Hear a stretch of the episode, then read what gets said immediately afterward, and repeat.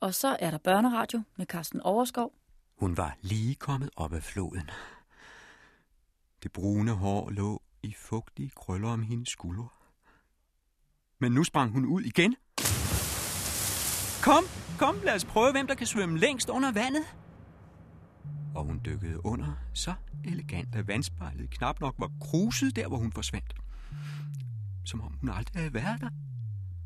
Som om Tehani havde været et drømmesyn, nu forsvundet med et puff. Jeg selv lå lettere forvirret, flød i vandet, i det jeg klyngede mig til en stor trærod, der skød ud fra bredden. En sort, drivvåd rod fra den træstup, hun lige havde siddet på. Der lå jeg, holdt mig fast og stirrede efter hende. Det forekom mig at vare en uendelighed. Hun var forsvundet ned ad strømmen, ned mod et sted, hvor floden drejede cirka 100 meter længere fremme. Men ikke på noget tidspunkt var hun til at få øje på under vandet. Pigebrændet var sporløst forsvundet, bogstaveligt talt. Der var ikke den mindste boble at se på overfladen. Jeg sank en klump. Kunne, kunne, kunne der være tilstødt hende en ulykke? Jeg vidste naturligvis, at der ikke findes krokodiller på Tahiti.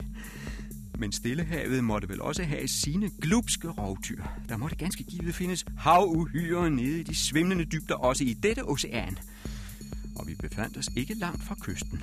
Vaipupu-floden var faktisk på nippet til at løbe ud i havet på dette sted, så jeg havde ikke svært ved at forestille mig et vældigt havmonster komme krybende på bunden. Et dyr, der havde forvildet sig op af floden ved en fejltagelse. Hvorfor ikke? Et dyr, der nu var så martret af sult, det ville kaste sig over et hvert bytte, der viste sig på dets vej, om det så var en ung kvinde af den fornemmeste høvdingeslægt på Tahiti. Et grådigt udyr, der ganske savnede sansen for skønheden i en gyldenbrun pigekrop, og kun betragtede hende som et stykke kærkommen foder, der kunne sluge af for at døjes. Ja, det måtte være forklaringen på, at Tahani ikke var dukket op af vandet endnu. Den stakkels pige var ganske givet dykket lige ned i gabet på et frådende uhyre, og et op allerede nu. I øjeblikket som disse kunne andre problemer forekomme uendelig små. For eksempel, at jeg var med i mytteriet på Bounty.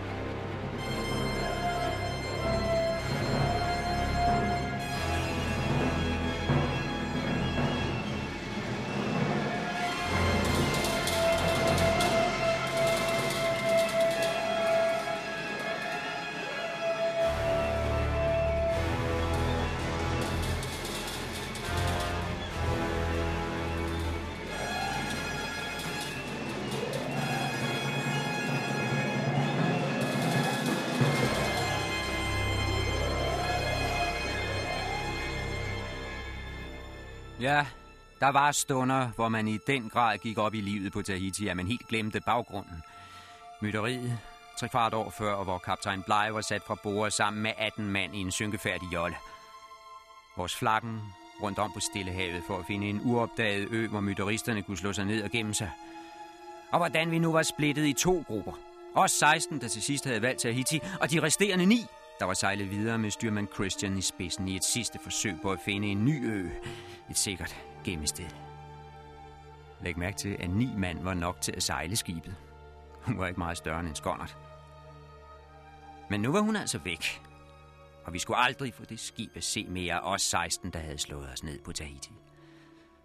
Og sandt at sige, blev jeg også snart optaget af helt andre ting. Særligt af en bestemt ung kvinde, hende der netop er forsvundet sporløst under vandet. En pige, der fik en til at glemme alt om mytteriet på Bounty.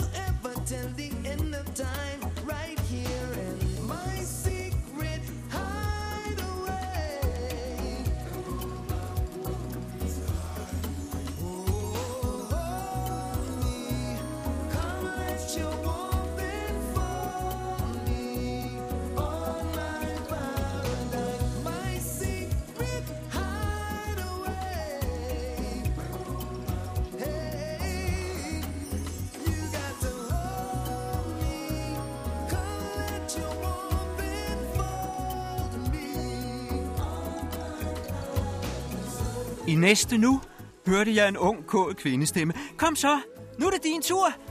Jeg kunne stadig ikke se hende nogen steder. Men man kunne høre på retningen, at hun var nået ned, hvor floden var drejet. Til havde altså svømmet mere end 100 meter under vandet. Det kunne jeg ikke siddende på mig. Så jeg slap straks træroden og dykkede. Jeg svømmede energisk. Vel en favn under vandoverfladen, og jeg kunne se små fisk smutte væk og få skrækket søge tilflugt på bunden. Vandplanterne så man også helt tydeligt, for vandet i Vejpupufloden er klart som glas. Men jeg var ikke dykket for at nyde udsigten. Jeg skød frem, tag for tag, fast besluttet på at komme længere end hende.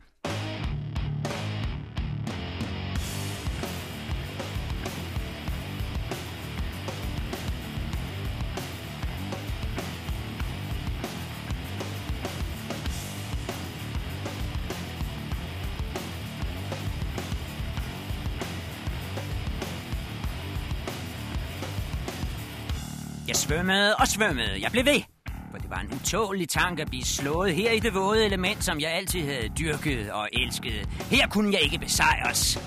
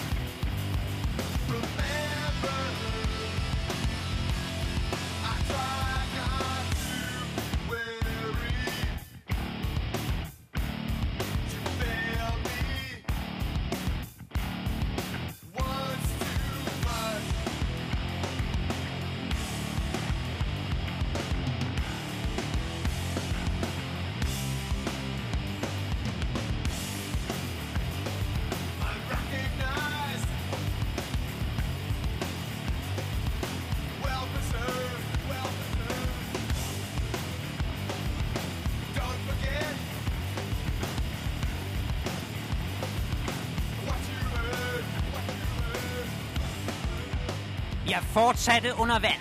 At blive den lille i denne sport var aldeles uacceptabelt. Rejsomt, hvis jeg skulle møde min overmand i undervandssvømning. Og det rejsomste af alt, hvis det skulle vise sig, at den overmand var et pibarn. Det kunne der ikke være tale om. Så jeg blev nede og stred mig frem langt ud over det punkt, hvor mine lunger var ved at sprænges. Til sidst var jeg da også sikker på at have slået hende. Ha, og rigeligt endda. Jeg måtte have svømme meget længere end hende. Så jeg skød op til overfladen, brød vandskorpen. Kun for at se hende sidde på en træstamme 10 meter længere frem og grine. Hun kluglå, som man siger. Men det gik mig gennem marv og ben. Det, det, det, det er løgn. Tror du, jeg har snydt? Jeg, jeg forlanger revanche. Ja, øh, lige om lidt. For jeg var stadig i gang med at spytte vand ud af lungerne og gnide øjnene. Jeg havde også en vis susen for ørerne, sandt at sige. Det skulle ikke være lige med det samme.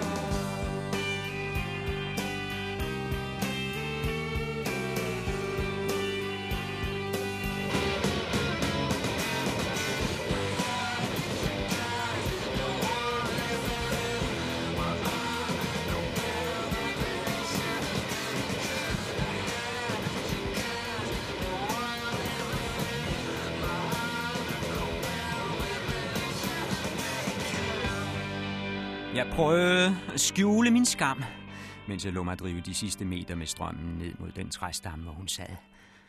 Jeg kæmpede tabert for at holde den kække mine. Det var ikke nemt. Jeg var blevet slået med mindst 10 meter i undervandssvømning. Og en pige. Kom, sagde jeg til Hani og klappede på træstammen ved siden af, hvor hun sad. Kom op og sæt dig. Det gjorde jeg så. Jeg fik hævet mig op af vandet. Guderne må vide, hvor jeg fik kræfterne fra i det øjeblik. Men jeg kom derop på træstammen og fik mig anbragt ved siden af hende. Gav mig til at hive det våde hår væk fra øjnene. Det var i det sekund, vi helt tilfældigt. Eller måske var det efter en fælles indskydelse, kom til at se på hinanden. Tahanis store brune øjne smilede lige ind i mine. Den lune glød i hendes blik ramte mig som varmen fra det åbne ildsted, når man træder ind i sin stue en kold vinterdag. Hun vendte sig hurtigt bort igen, men mit hjerte var begyndt at slå voldsomt. Jeg så hendes ene hånd holde om stammen meget, meget tæt på en af mine hænder, og jeg kunne ikke lade være. Jeg måtte prøve. Forsigtigt, forsigtigt lagde jeg min hånd oven på hendes. Og hun trak den ikke til sig. Tværtimod. Et øjeblik efter, hvor vores fingre flettede tæt sammen, og hun gjorde ikke det mindste forsøg på at rive hånden løs igen. Hun sad helt stille med bøjet nakke og stirrede ned i det klare vand. I lang tid var der ingen af os, der sagde noget. Jeg stirrede også, men ikke så meget ned i floden, må jeg nok indrømme. Vandet betog mig ikke nær så meget som den unge, yndige pige, der sad ved siden af mig. Ud gennem øjenkrogen konstaterede jeg, at hun var iført et let skørt af hvidt stof og ikke spor andet. Og det skørt var ovenkøbet gennemblødt efter svømmeturen. Det svøbte sig så tæt om hendes lår og lænder, at hun lige så godt kunne have været det for uden.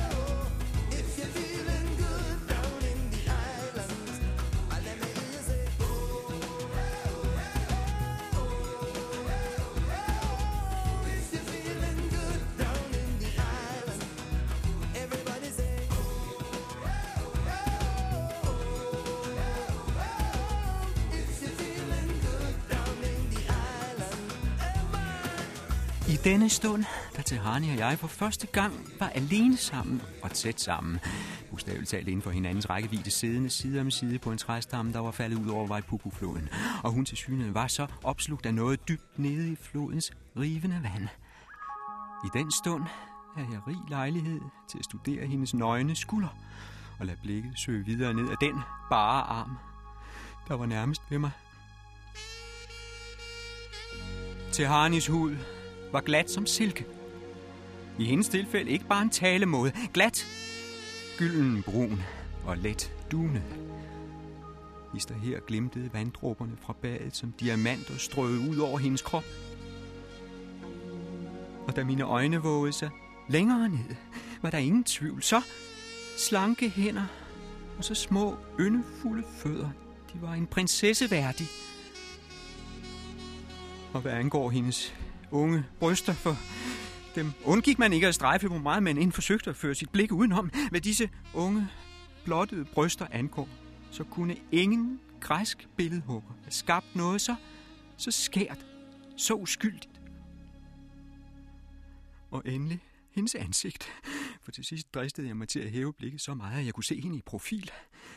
Det ansigt udstrålede udelukkende dyb skønhed. En fuldendthed, der, der hvilede i sig selv og vidner om en ung kvinde, der kender sit eget værd. Til Harni, sagde jeg, og greb om hendes hånd med begge mine. Men hun tav. Hun svarede mig ikke.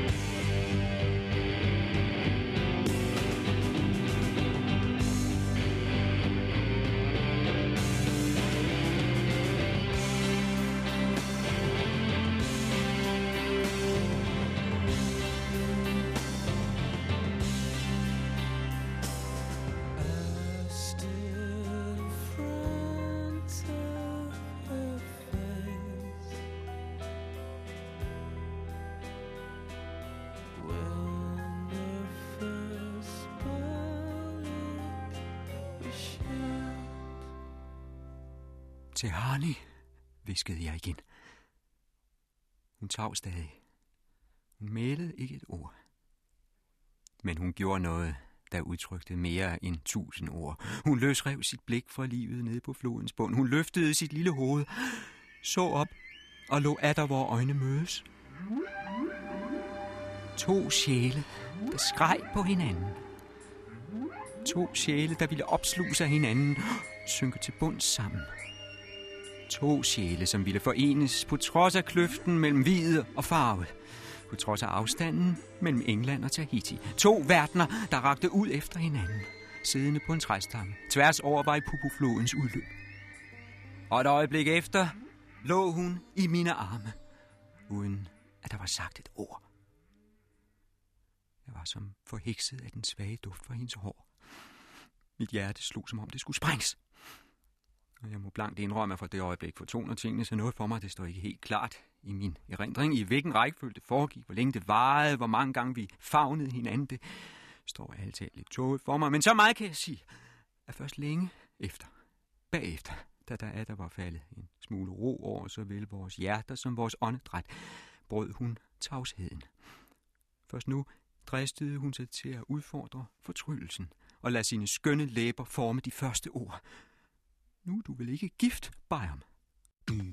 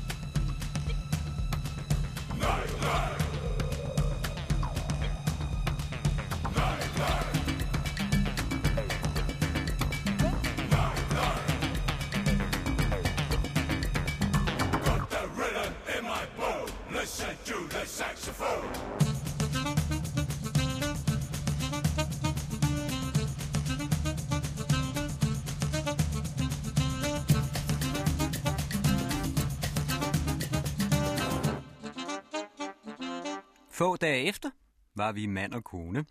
Gift efter alle kunstens regler, det vil sige et bryllup, som den slags foregår blandt de indfødte på Tahiti. Jeg, en 18-årig engelsk kadet, og hun, niese til en af de helt store høvdinge på Tahiti, Vejatua hed han. Øh, selve hvilesen, den skal jeg komme ind på om lidt i alle detaljer. Men jeg må tilstå, at jeg havde mine tvivl. Var det rigtigt af mig at gifte mig med Tehani? Hvis der en skønne dag dukkede et skib op fra England, så var jeg nødt til at gå ombord, melde mig og sejle med hjem.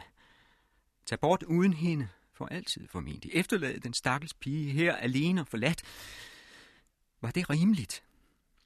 Jeg spurgte min vært til råds, høvding Hiti Hiti, en ældre og erfaren mand, som samtidig var en nær ven, jeg kunne betro alt. Jeg spurgte ham allerede samme dag, nogle timer senere i middagsheden, da vi mænd lå og slog mave på vores modder på strandbredden i skyggen under høvdingens yndlingspalme. Jeg spurgte, øh, kan jeg overhovedet tillade mig at indgå ægteskab med en lokal kvinde under de omstændigheder? Hiti Hiti trak irriteret på skulderen. Åh, i englænder. I er alle sammen tænke ens. I ødelægge det hele for jer selv ved altid spekulere på fremtid. I tænke, I tænke på ting, der muligvis aldrig sker. Hvorfor ikke leve her og nu?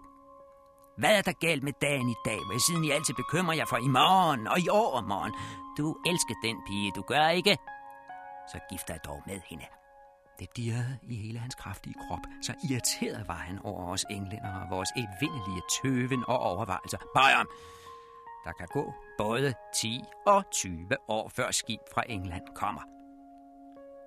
Den tid, den sov. Du lever i nuet. Fortiden er forbi, og fremtiden kommer måske aldrig. Vi har kun i dag at leve i. Han behøvede ikke sige mere. Jeg var overtalt. Han havde ret. Den hvide mands største svaghed var denne evige bekymren sig om fremtiden. Vi er plaget af vores forudsenhed. Vi er lammet af angst for fremtiden. I den grad er vi ude af stand til at gribe nu. Men det skulle ikke holde mig tilbage. Jeg ville gribe ud efter lykken, koste hvad det ville. Gribe min Tehani.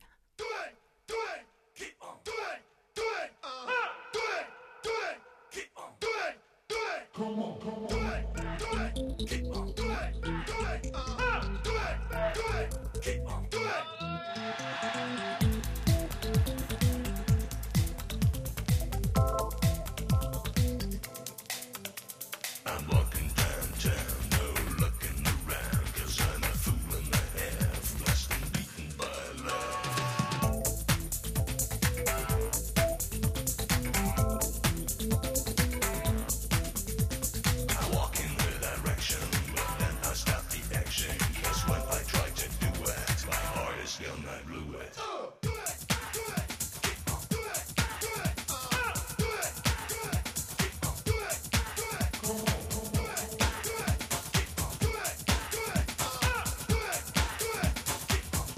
For at gøre en lang historie kort, så bad jeg Hiti Hiti gå til, Tehernis onkel, som også var hørding, og spørge ham, om han ville gifte sin jæse bort til mig. Det var den korrekte vej at gå. Som gæsteven hos Hiti Hiti tilhørte jeg nemlig hans slægt. Jeg blev betragtet som familiemedlem. Og hvis jeg ville gifte mig med en pige fra en anden slægt, så måtte de to familieoverhoveder mødes og drøfte tingene. Det vil sige, Hiti Hiti skulle gå til Veatuya og fri til Tehani på mine vegne. Det lyder indviklet, men det var nu ikke noget problem. Det viste sig nemlig, at Tehani allerede havde sat sin onkel grundigt ind i tingene. Hun var gået direkte til ham, havde forlangt at få mig til mand. Simpelthen. Hun havde bestemt sig for mig færdig. Så havde Veatua spurgt, bare for en sikkerheds skyld, om jeg nu også var indstillet på det. Det var hun ligeglad med. Hun ville have mig, hvad enten jeg ville eller ej. Ah, vil det sige, spurgte hendes onkel, at hvis den øh, unge mand siger nej, så skal jeg starte en krig mod Hiti Hiti og fange fyren for dig og binde ham, føre ham herhen, for at du kan blive gift med ham. Er, er det sådan, det skal forstås? Ja, ja til Harnis svar. Ja, naturligvis, hvis det ikke kan være andet. Min lille due, havde han sagt, hvordan skulle jeg nogensinde kunne nægte dig noget? Den mand er ikke skabt, som kan sige nej til dig. Ham, du taler så meget om, han er jo ganske vist fremmed og hvid og engelsk. Men jeg går ud fra, at han trods alt er en form for mandfolk, eller tager jeg fejl? Det har du vel sikret dig? til Hani blussede. Hun måtte se ned i gulvet, men hendes fnis, det var nu ikke til at tage fejl af. Jamen, så er sagen allerede afgjort, for hvis fyren har bare antydning af mand i sig, så kan han lige så lidt som os andre modstå selv det mindste vink fra din side, og jeg forudser, at en krig vil være aldeles overflødig for at forene jer to. Den unge mand, han vil komme krybende helt af sig selv. Det lå de meget af. Sagen var afgjort. Og tidlig næste morgen befandt jeg mig i en stor dobbeltkano sammen med kvinder af Hitihitis stamme, som altså også var min stamme, på vej til mit eget bryllup. Wake up early one morning, kiss my mama goodbye. Huh. Going back to the island, I say, don't worry, mama, don't cry. Come on. Wake up early one morning, kiss my mama goodbye. Going back to the island, I say, don't worry,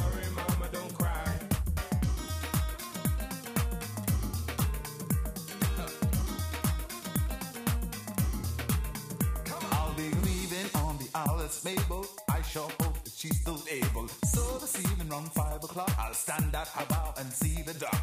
Out in the field from dawn till dusk, swimming in the blue hole is a must. That island where I was born, the first thing I'll do is roast some corn. Wake up early one morning, kiss my mama goodbye.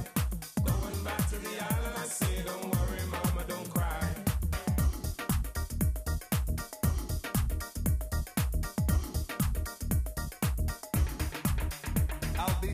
outside in the iron pot. So young when I learned, I haven't forgot how to catch them black crab as they walking. Old folks smoking, pipe and talking. Saturday night we're gonna dance and sway.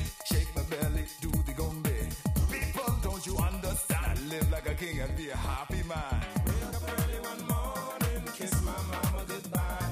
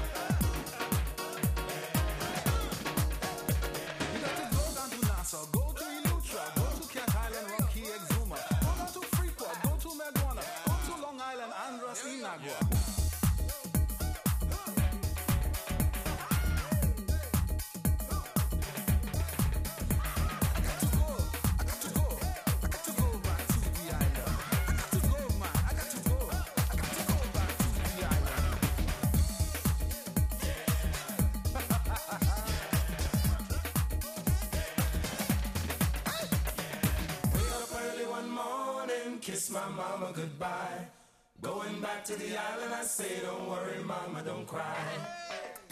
Da vi nåede til, til hjem, var der allerede stillet et festmåltid frem, for rygtet var ilet forud tværs over hele øgruppen. Og hele Veatuas hus stod på den anden ende. Da vi mænd satte os til at spise på verandaen, der var det noget helt andet, der slog mig, nemlig udsigten. Jeg har aldrig set så pragtfuldt et panorama i hele verden. Jeg var stum af betalt. Jeg var målløs. Jeg kunne ikke få et ord frem mod øst. Stillehavets uendelige blå flade, der strækker sig så langt øjet rækker. Mod nord, omrisen af hovedøen Tahiti med de dampende bjergmassiver, der næsten går i et med skyerne. Og mod vest et direkte kig ind i den grønne, frodige dal, hvor vej til Pia-floden løber.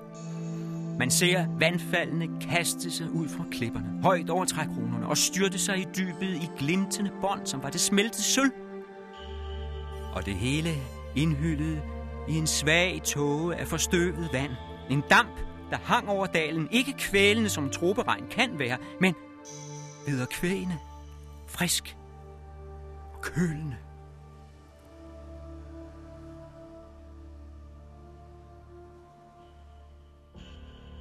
Jeg tvivler på, at der findes noget hus på denne jord, der har en så fantastisk udsigt som Veatuas. Og jeg fik straks stillet et gæstehus til rådighed lige ved siden af. Her skulle jeg bo, midt i dette prægtige landskab, omgivet af så meget skønhed lige uden for døren. og med den største skønhed af alle på helt nært hold. For her skulle jeg leve forenet med mit livs til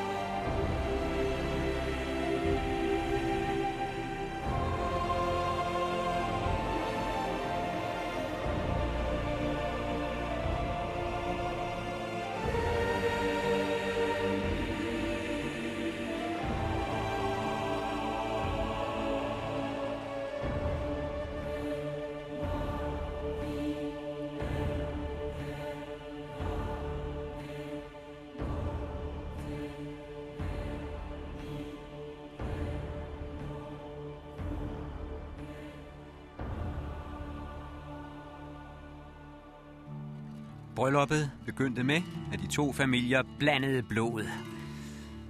Det foregik på den måde, at først blev der lagt to stykker hvidt stof ud på gulvet. To kridhvide laner, kan man sige, oven på hinanden. Et lagen fra hver slægt. Og min slægt, det var altså Hittihitis. Derefter fik Tehani og jeg besked om at sætte os midt på lanerne, og alle bryllupsgaverne blev anbragt rundt om os. Der var kåber, der var modder, der var kranse af fjer, og vi skulle højtidligt takke for hver enkelt gave. Så kom det med blodet. Det var ikke os selv, der skulle blande blod. To kvinder, en fra hver familie, trådte frem og tog deres paunio frem. En paunio, det er en kniv, lavet af en hejtand, der er sat fast på et skaft af poleret træ. Den er skarp som en barberkniv. Det de så gør, er, at de skærer sig selv i hovedbunden, så blodet flyder ned over ansigtet på dem og drypper ned på de hvide laner. Det ser ret drabligt ud, og jeg var tæt på at protestere.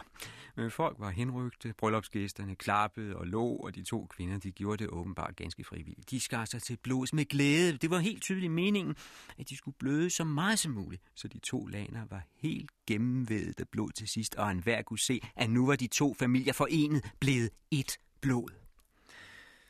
Så fik Tahani og jeg lov til at rejse os, og lanerne blev omhyggeligt foldet sammen og gemt til side. Det var første fase af vores bryllup. I mellemtiden havde der været mænd oppe i bjergene for at hente de forskellige hellige hjerneskaller ned. Forfædrenes kranier. Disse sidste skeletrester skulle altid være til stede, når der foregik noget vigtigt i stammen. Ellers lå de gemt i klippehuler højt oppe i bjergene. Og reglen var, at de gamles kranier kun måtte hentes ned om natten. Det var en opgave for specialister. Udvalgte mænd, der særligt mestrede bjergbestigningens kunst. For det betød hver gang en farefuld klatring af lodrette klippevægge i bælragende mørke.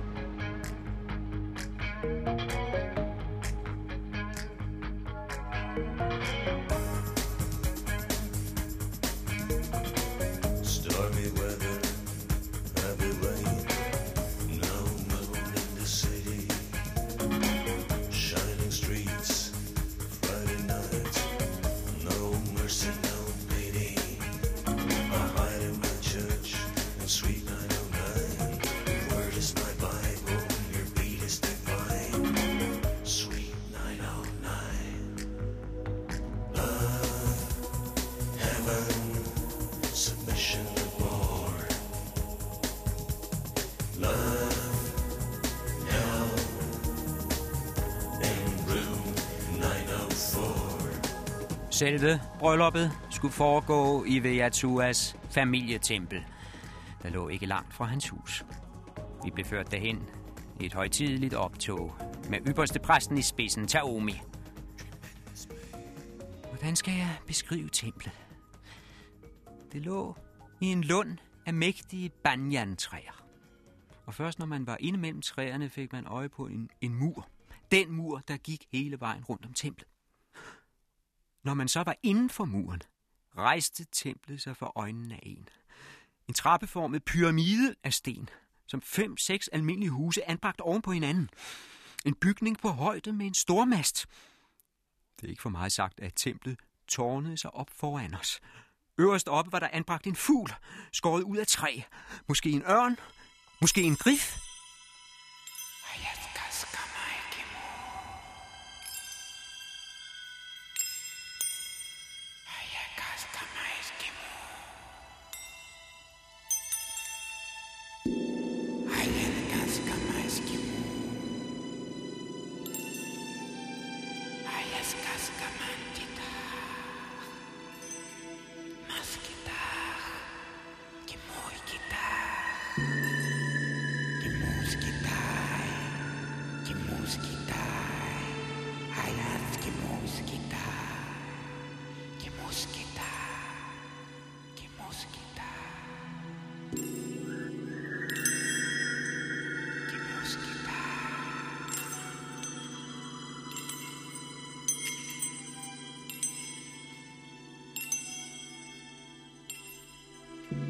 blev Tehani og jeg ført hen til et hjørne af pyramiden, hvor de to blodige laner blev foldet ud igen, og hvor forfædrenes hjerneskaller var anbragt, så de kunne se, at alt gik rigtigt for sig. Igen fik vi besked på at sætte os ned på lanerne. De to familier samledes rundt om, og ypperste præsten holdt en længere tale. Ikke til os, og heller ikke til gæsterne, men til de elgamle kranier. Nogle af dem var så mørnede, at de ville smuldre og blive til støv, hvis man kom til at støde til dem. Det var til Harnis slægt. Hun kunne føre sit stamtræ 73 generationer tilbage. Og ikke bare det, hun kunne se dem. De lå der på række alle sammen, og de kunne se hende, alle hendes forfædre, gennem 2000 år. Move. Dance. Be born. Move. Dance.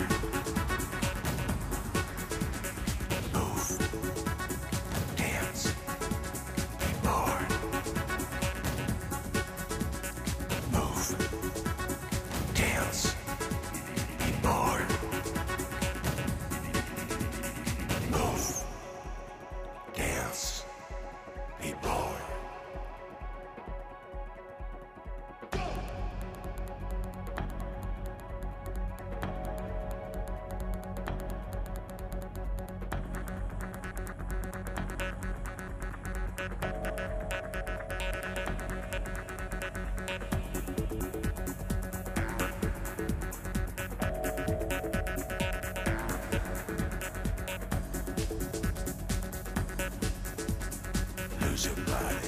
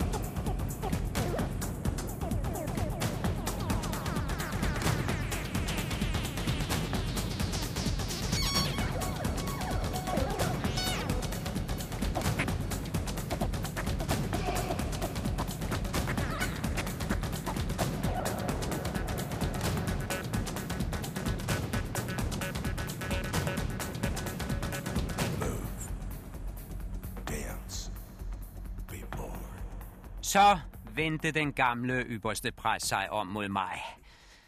Denne kvinde skal snart være din hustru, sagde han. Husk, at hun er en kvinde og derfor svag.